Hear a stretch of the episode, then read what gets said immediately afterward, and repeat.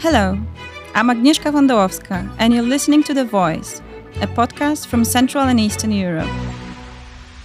In this podcast series, we'll be looking at the region from different angles and perspectives, attempting to capture its diversity and understand emerging trends.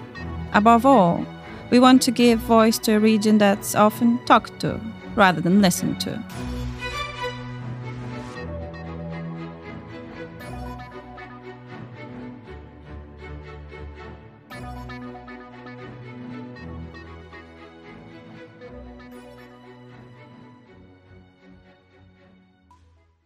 This episode is hosted by New Eastern Europe.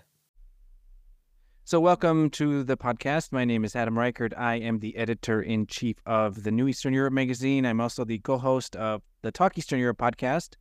Uh, but today we are we are doing our input for the VoiCEE podcast, and I'm joined uh, by my two Georgian colleagues, uh, Giorgi Beroshvili, who is an editorial assistant with New Eastern Europe, and a recent graduate of the Central and Eastern, East European, Russian, and Eurasian Studies at Glasgow University, and Soso Chachanidze, who is an in, editorial in, intern with New Eastern Europe and a student currently at Jagiellonian University in Krakow, also as part of the same University of Glasgow program. Guys, thank you so much for being here. Hello to our listeners, and thank you for having us here. So let's uh, let's start maybe with the most uh, recent developments related to the European Commission's announcement that it is uh, recommending that the European Council uh, officially uh, give Georgia the EU membership candidate status.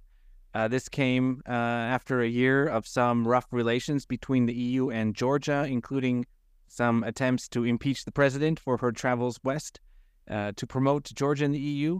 So I guess maybe the first question for, for both of you is: uh, Were you surprised that this uh, this decision came, or was it more expected?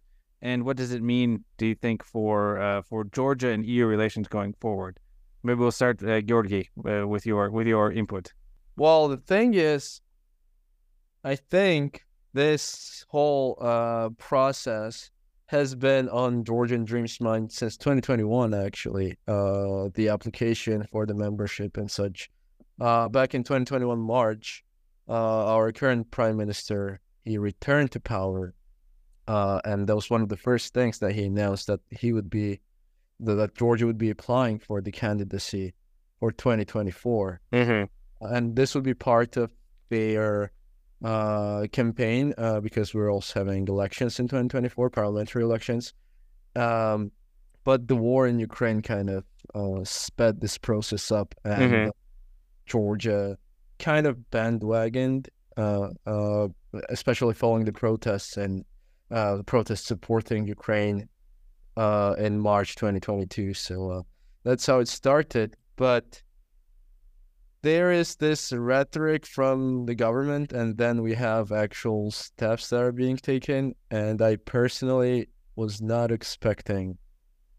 Well, may- maybe I was, but like, I was optimistic about it. Um, and um, mm, but I think what uh, what the protests have shown that like this is like this like a this is the result of the pro- protest at the action of the government or the steps that they have taken.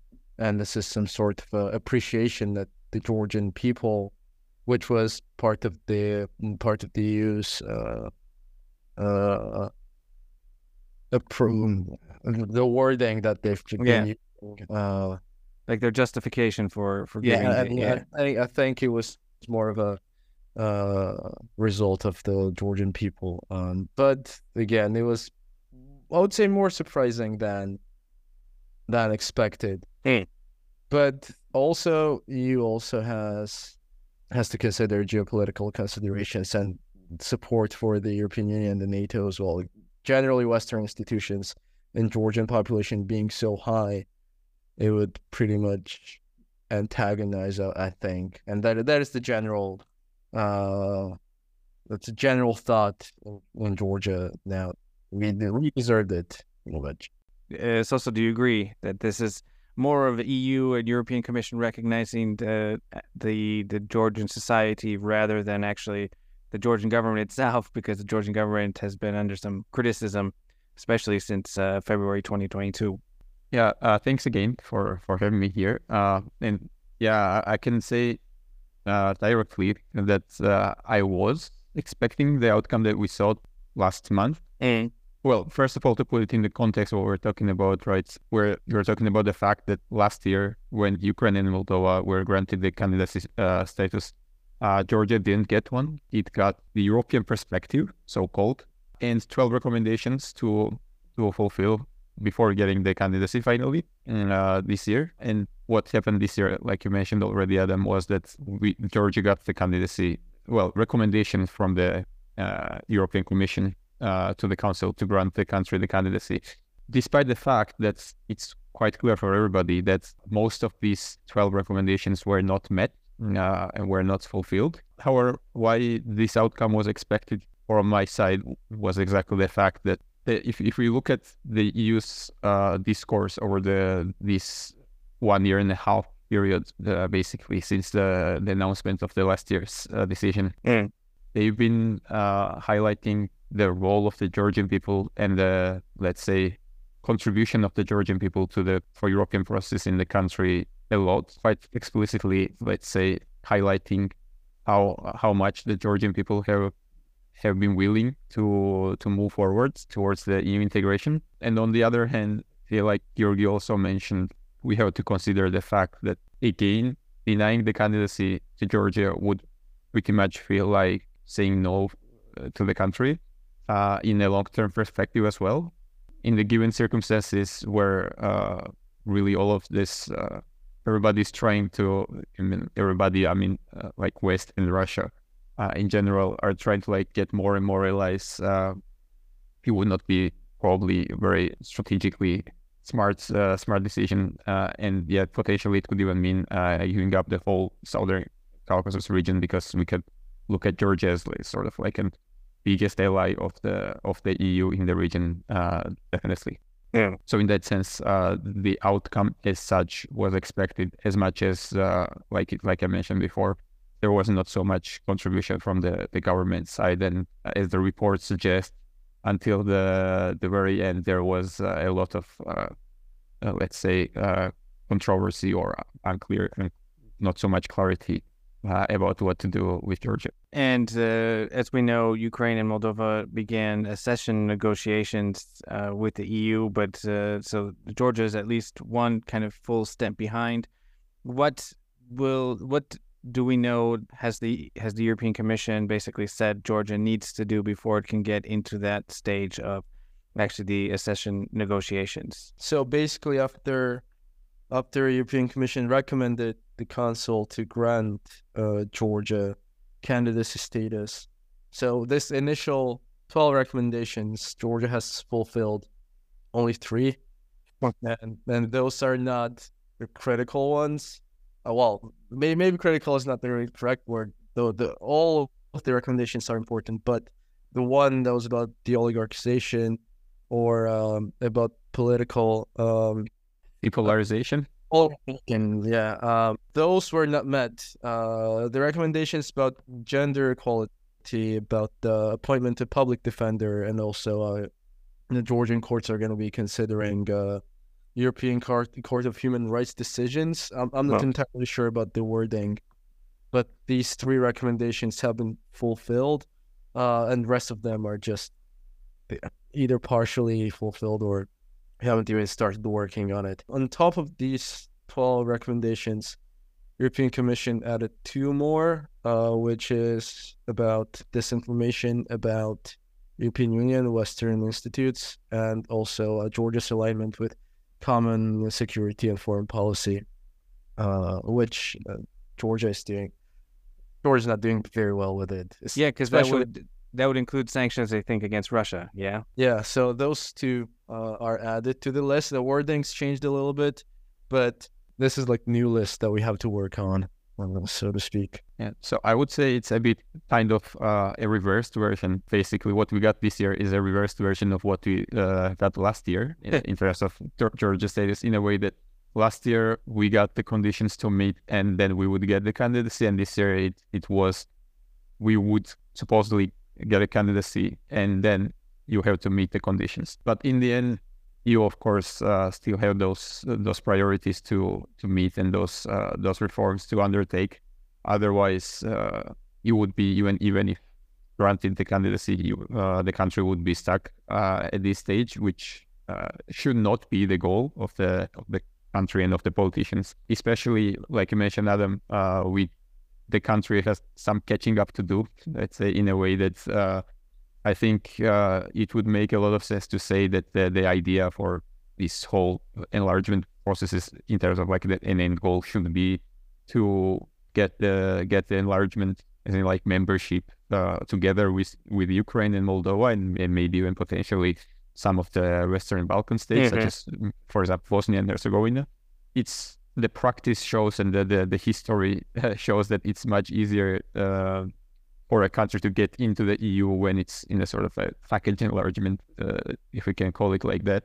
So the goal should be to catch up with Ukraine and Moldova, right? And then uh, therefore the goal should be to undertake these nine reforms, mm, which you already mentioned very quickly, because yes, then like like I mentioned, the idea is basically that we the country would not be able to move more forwards without undertaking these reforms, and most of at least half of these reforms as already mentioned by Yuri, right, are repetition of the 12 reforms given last year, and it's uh, it's another indication that uh, the Georgian Dream government didn't really do the homework so well, uh, and we should look for, let's say, alternative explanations for why uh, the candidacy was still offered, despite the, let's say, uh, undesirable political performance from mm. the government. Mm-hmm. And uh, what are the chances that uh, going forward that the government is going to fulfill these uh, priorities or these uh, conditions that the EU can, that EU Commission continues to put forward?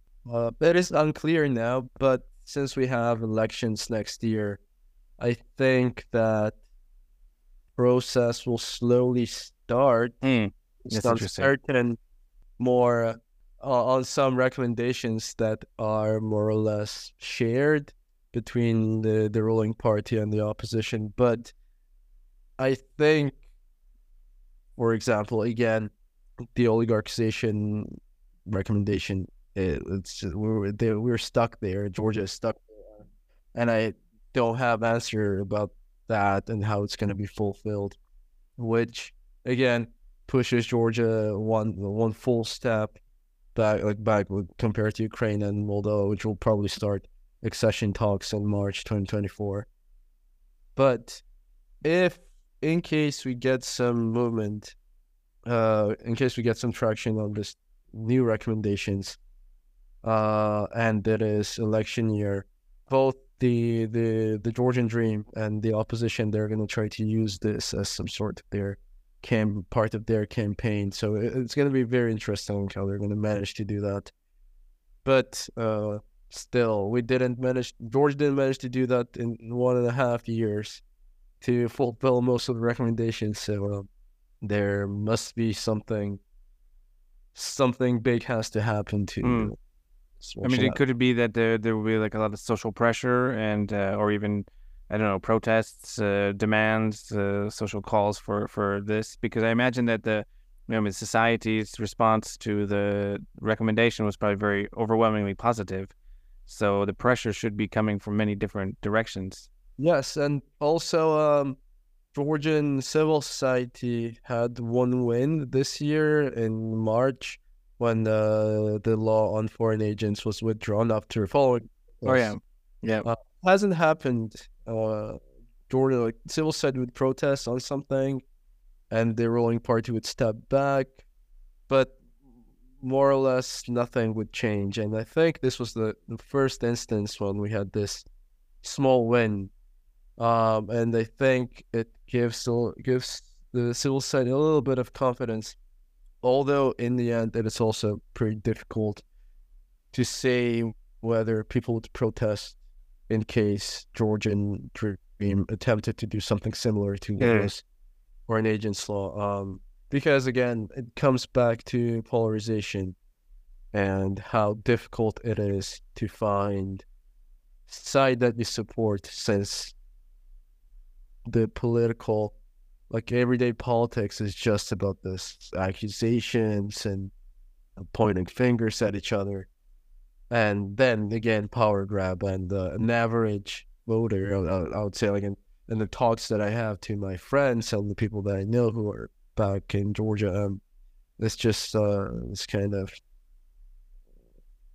attitude that just being tired of the everyday politics. So Yeah. uh, big change should happen you know, to get some sort of traction on on these recommendations. So Yeah. also we'll have more to add on this. I'm pretty sure.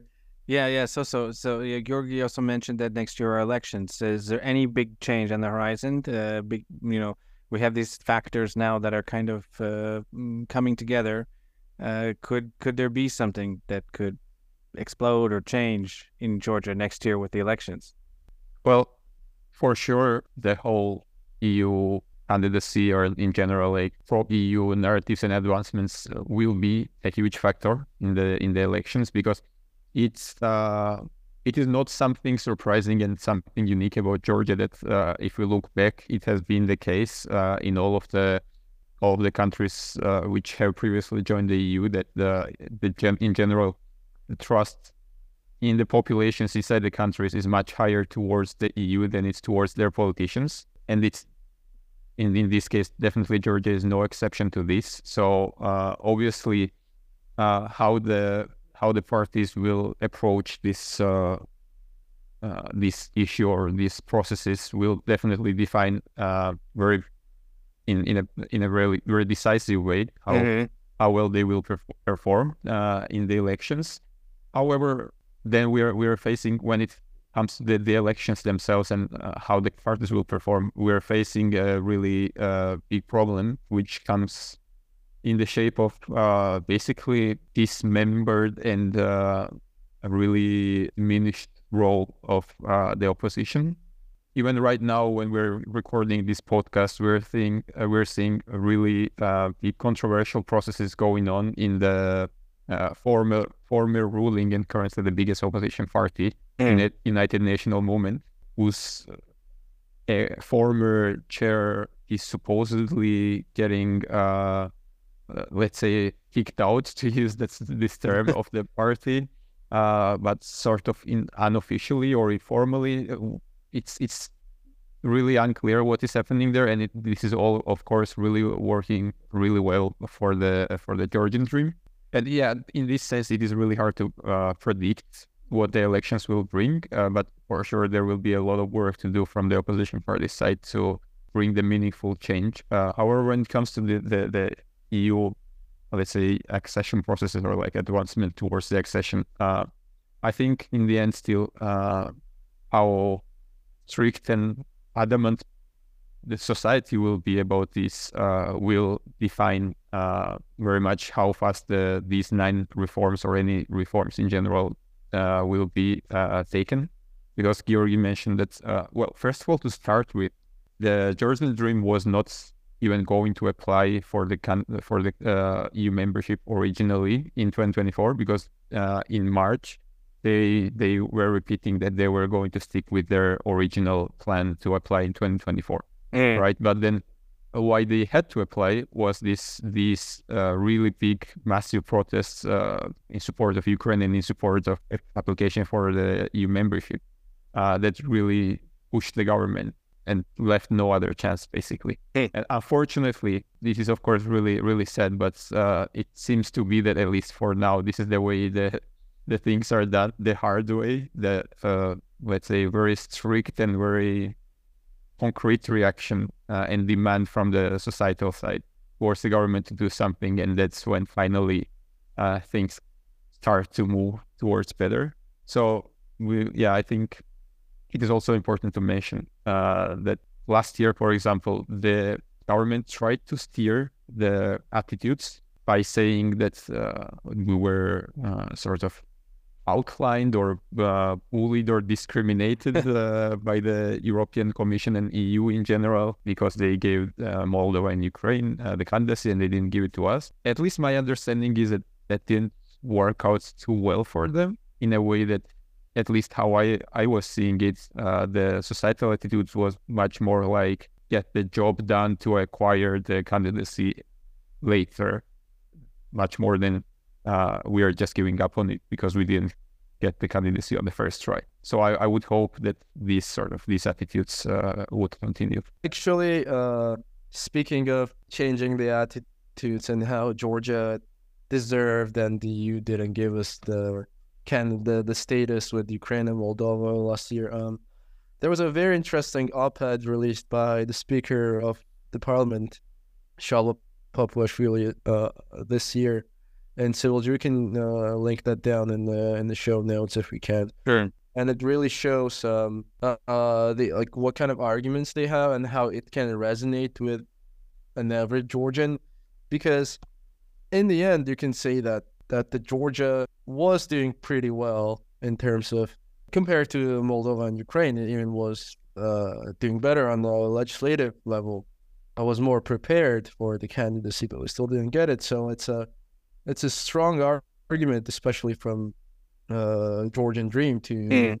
push in this side and say that yes, we deserved it, but the EU didn't give us for this and that. So I think uh, that, that that- that's an interesting read to have to have a look and understand more uh, what they what they have, uh, what they argue for, what the Georgian Dream argues for Yeah. this candidacy, and Georgia falling behind. Yeah, that's that's interesting. I, I want to change uh, the subject a little bit, but before before we do, I have one last question about internal politics in Georgia, uh, and it has to do with the fact that we uh, 20 years ago, um, this month, we had uh, the Rose Revolution, uh, which brought Mikhail Saakashvili into power, and it was you know quite a quite a big event. And I'm curious, were there any any uh, you know it kind of went under the radar at least uh, a bit in the international media. Were there any commemorations in Georgia? And uh, you know, did it does uh, maybe we'll put Saakashvili aside for a moment because we we can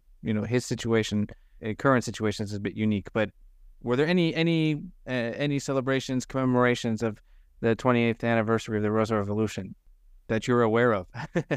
Uh, there were ones on a quite small scale, I would say. Mm. Obviously, UNM had uh, their own sort of celebration, but Mhm. they're so entangled at this right now in this drama of their own inside the party that's uh, uh, not so much people really paid attention to it. I would say, and there were some maybe like few small, let's say, articles or reports on media and so on, but. Uh, nothing nothing big really and obviously the georgian dream is uh, has been trying continuously to undermine mm, the whole work and whole life of uh, of UNM and everything they have done and uh, their narrative has always been that the only things that this revolution brought to the country was uh, blood and lost uh, lost territories uh, Yeah. as if these territories were not occupied before but uh, and uh, torture of, of people and the, the regime of Saakashvili and so on. Uh, Mm. so this year was no exception in that sense, and they've been,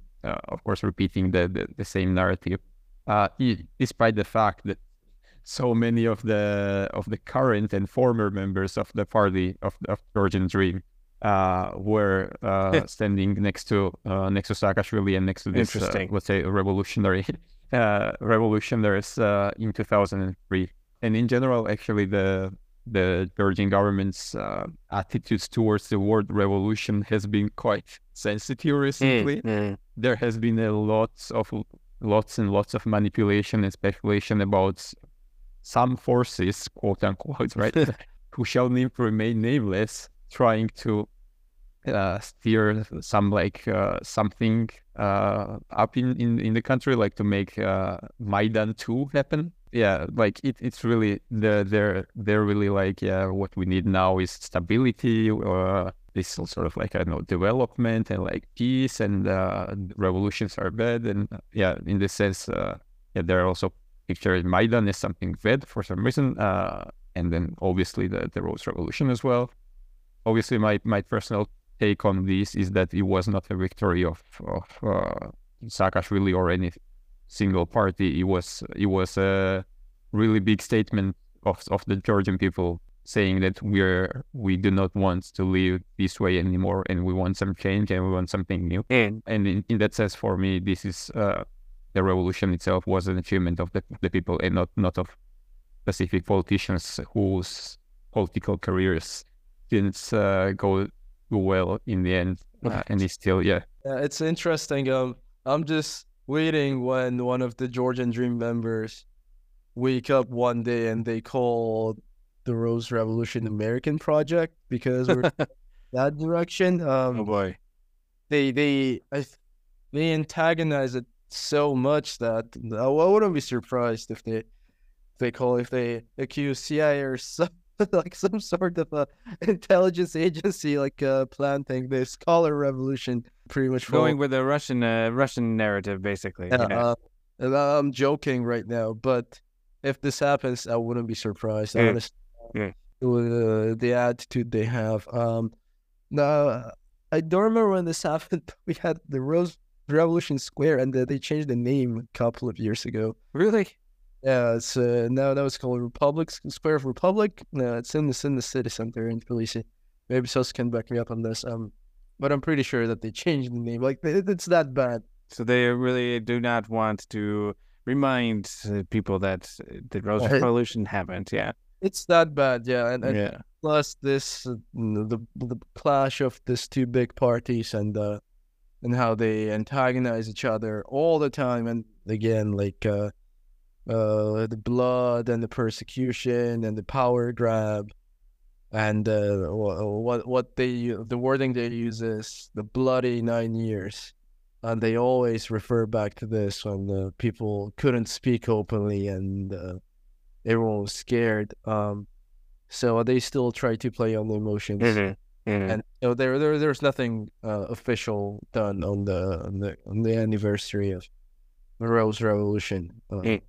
But uh, Mm. but the United National they had some you know as, as Soso mentioned, but they didn't move forward. They're having their internal crisis right now. I haven't been following, but well, what I know is that they announced in the live and one of one of the one of the TV shows they announced that they were kicking out their chairman, and now they have this weird entanglement. No, some uh, some big crisis going on, and this would probably lead to some of the party members which have a lot of political weight leaving. I mean, probably um, Mm.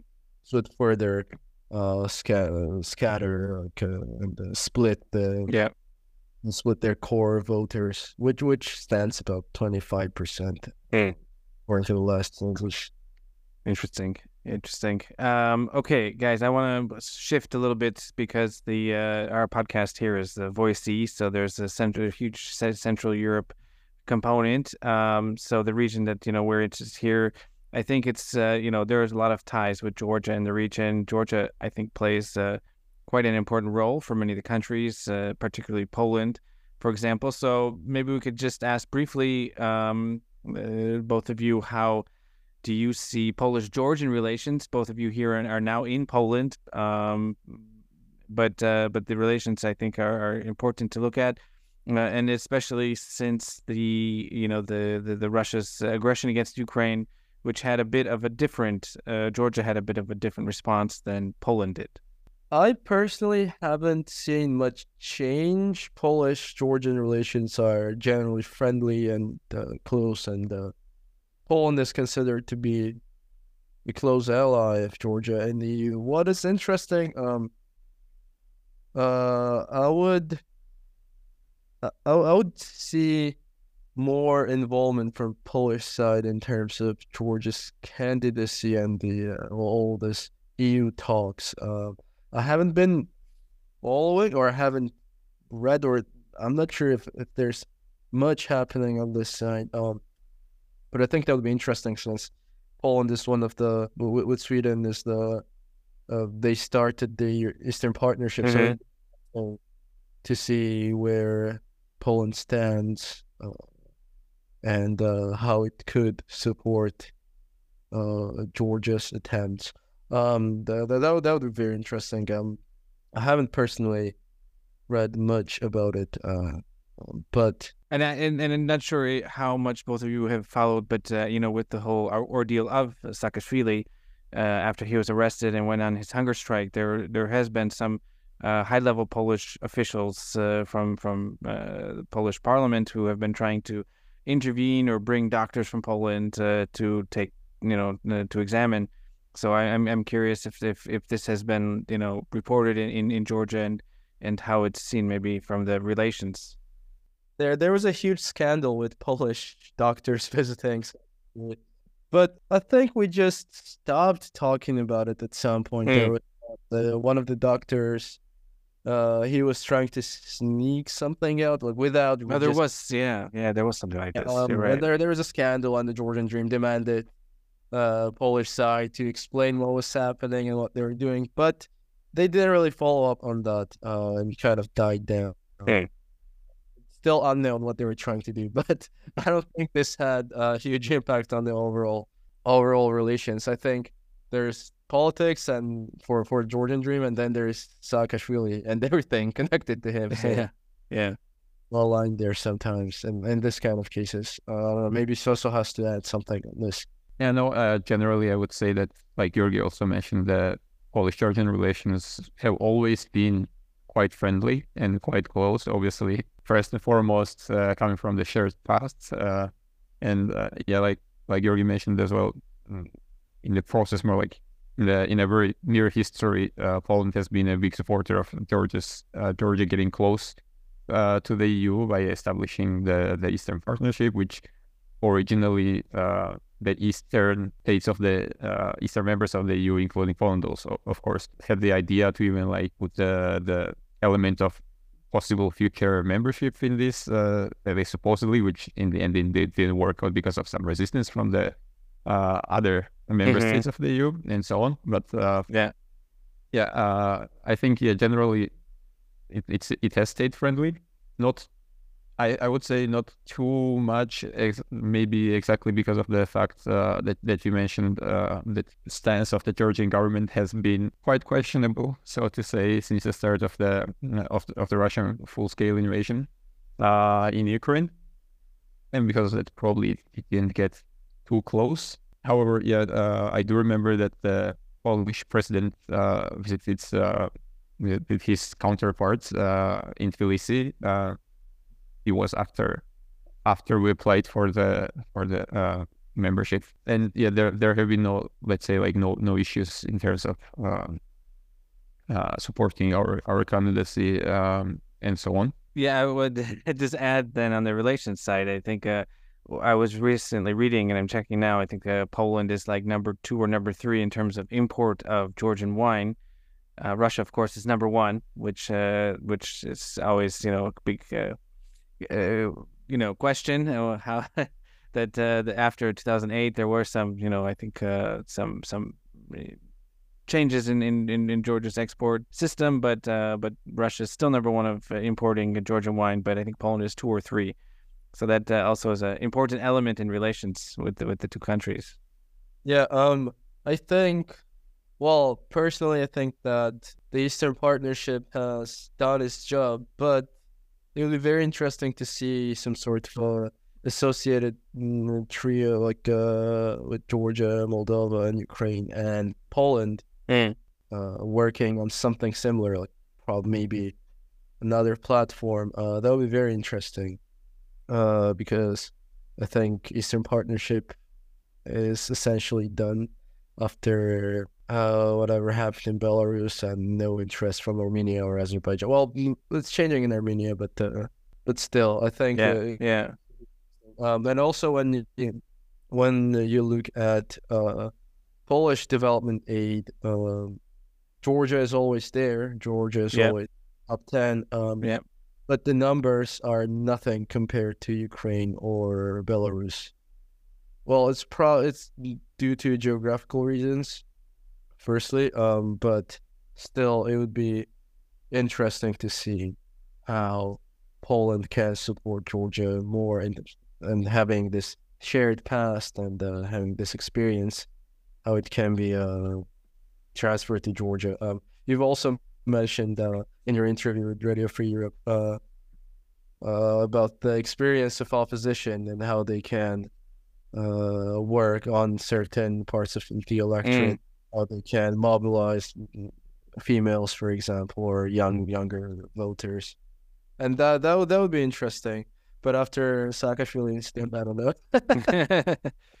yeah. I'm not sure they wouldn't be it would be much appreciated by the Georgian government if the incoming yeah. Polish government comes in and gives uh, gives some sort of training about how to how to mobilize the voters. Yeah, true. They, they're, they're, they're as uh, as a, as a threat because they've just uh, also was also mentioned about this anti-Maidan protests and uh, and such.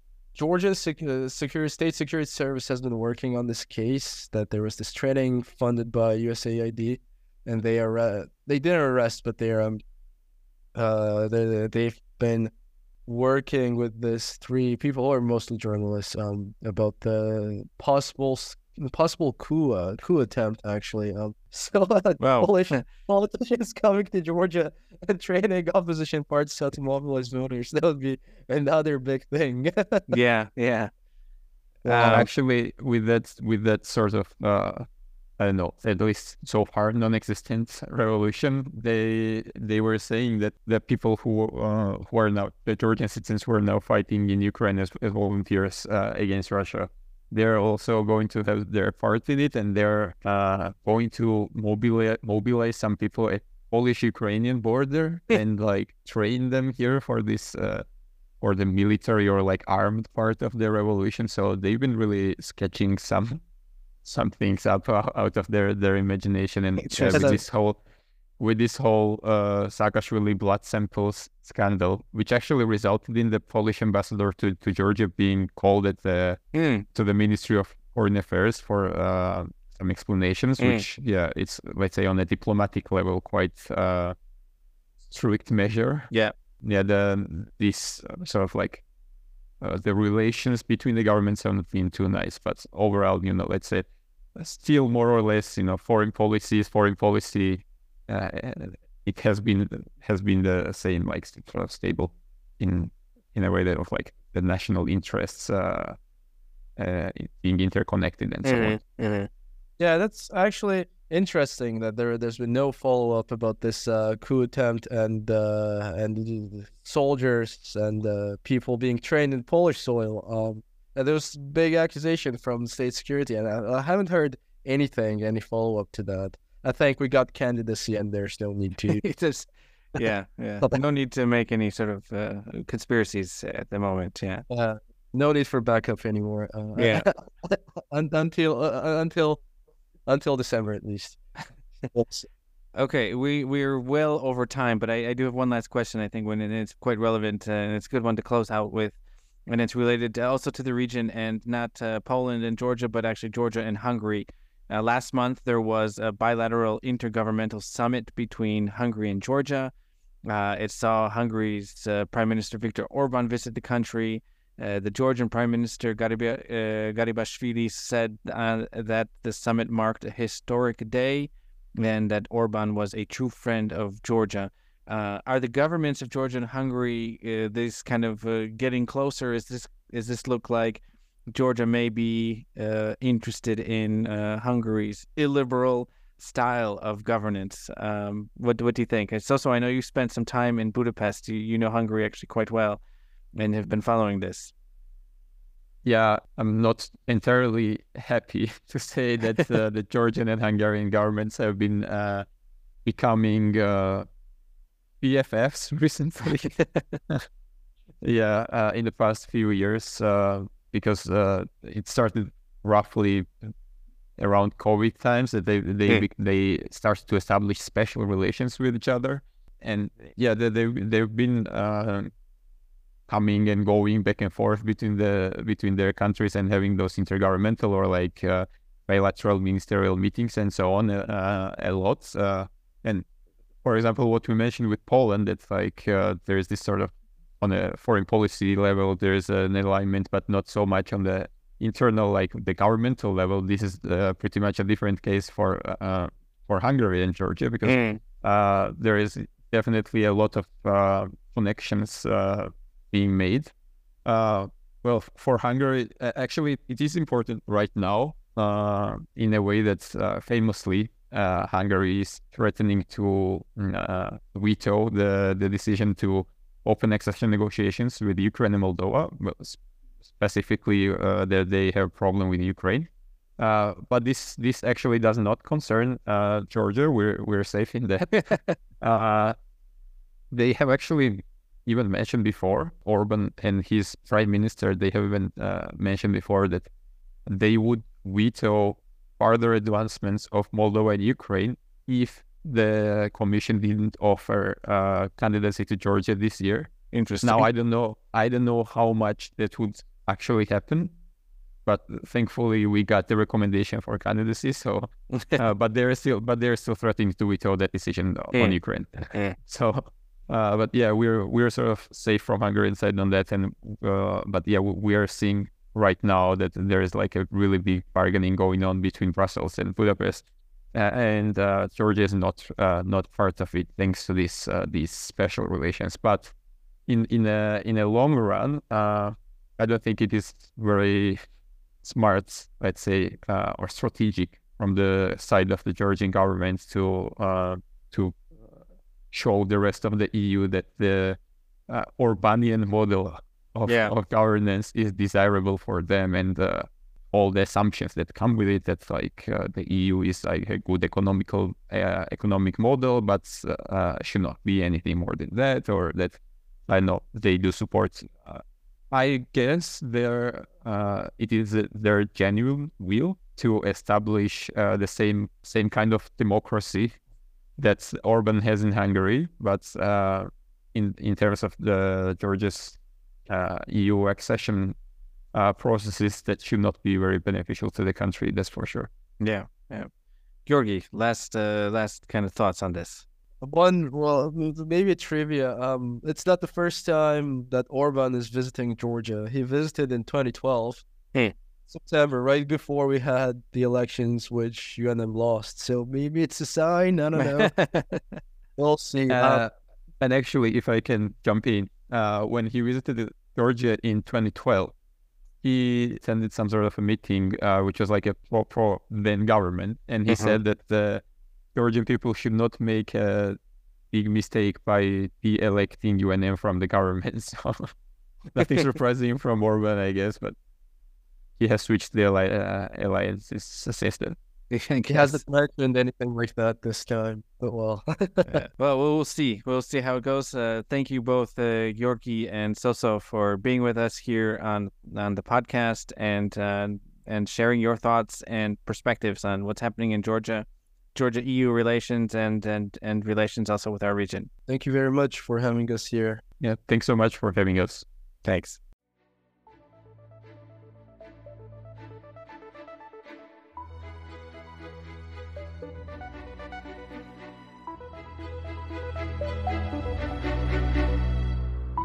If you enjoyed today's conversation, please keep an eye out for further installments of the VoiCEE podcast, in which we'll be looking into other key issues and trends in Central and Eastern Europe, including green policies, rule of law, and media freedom.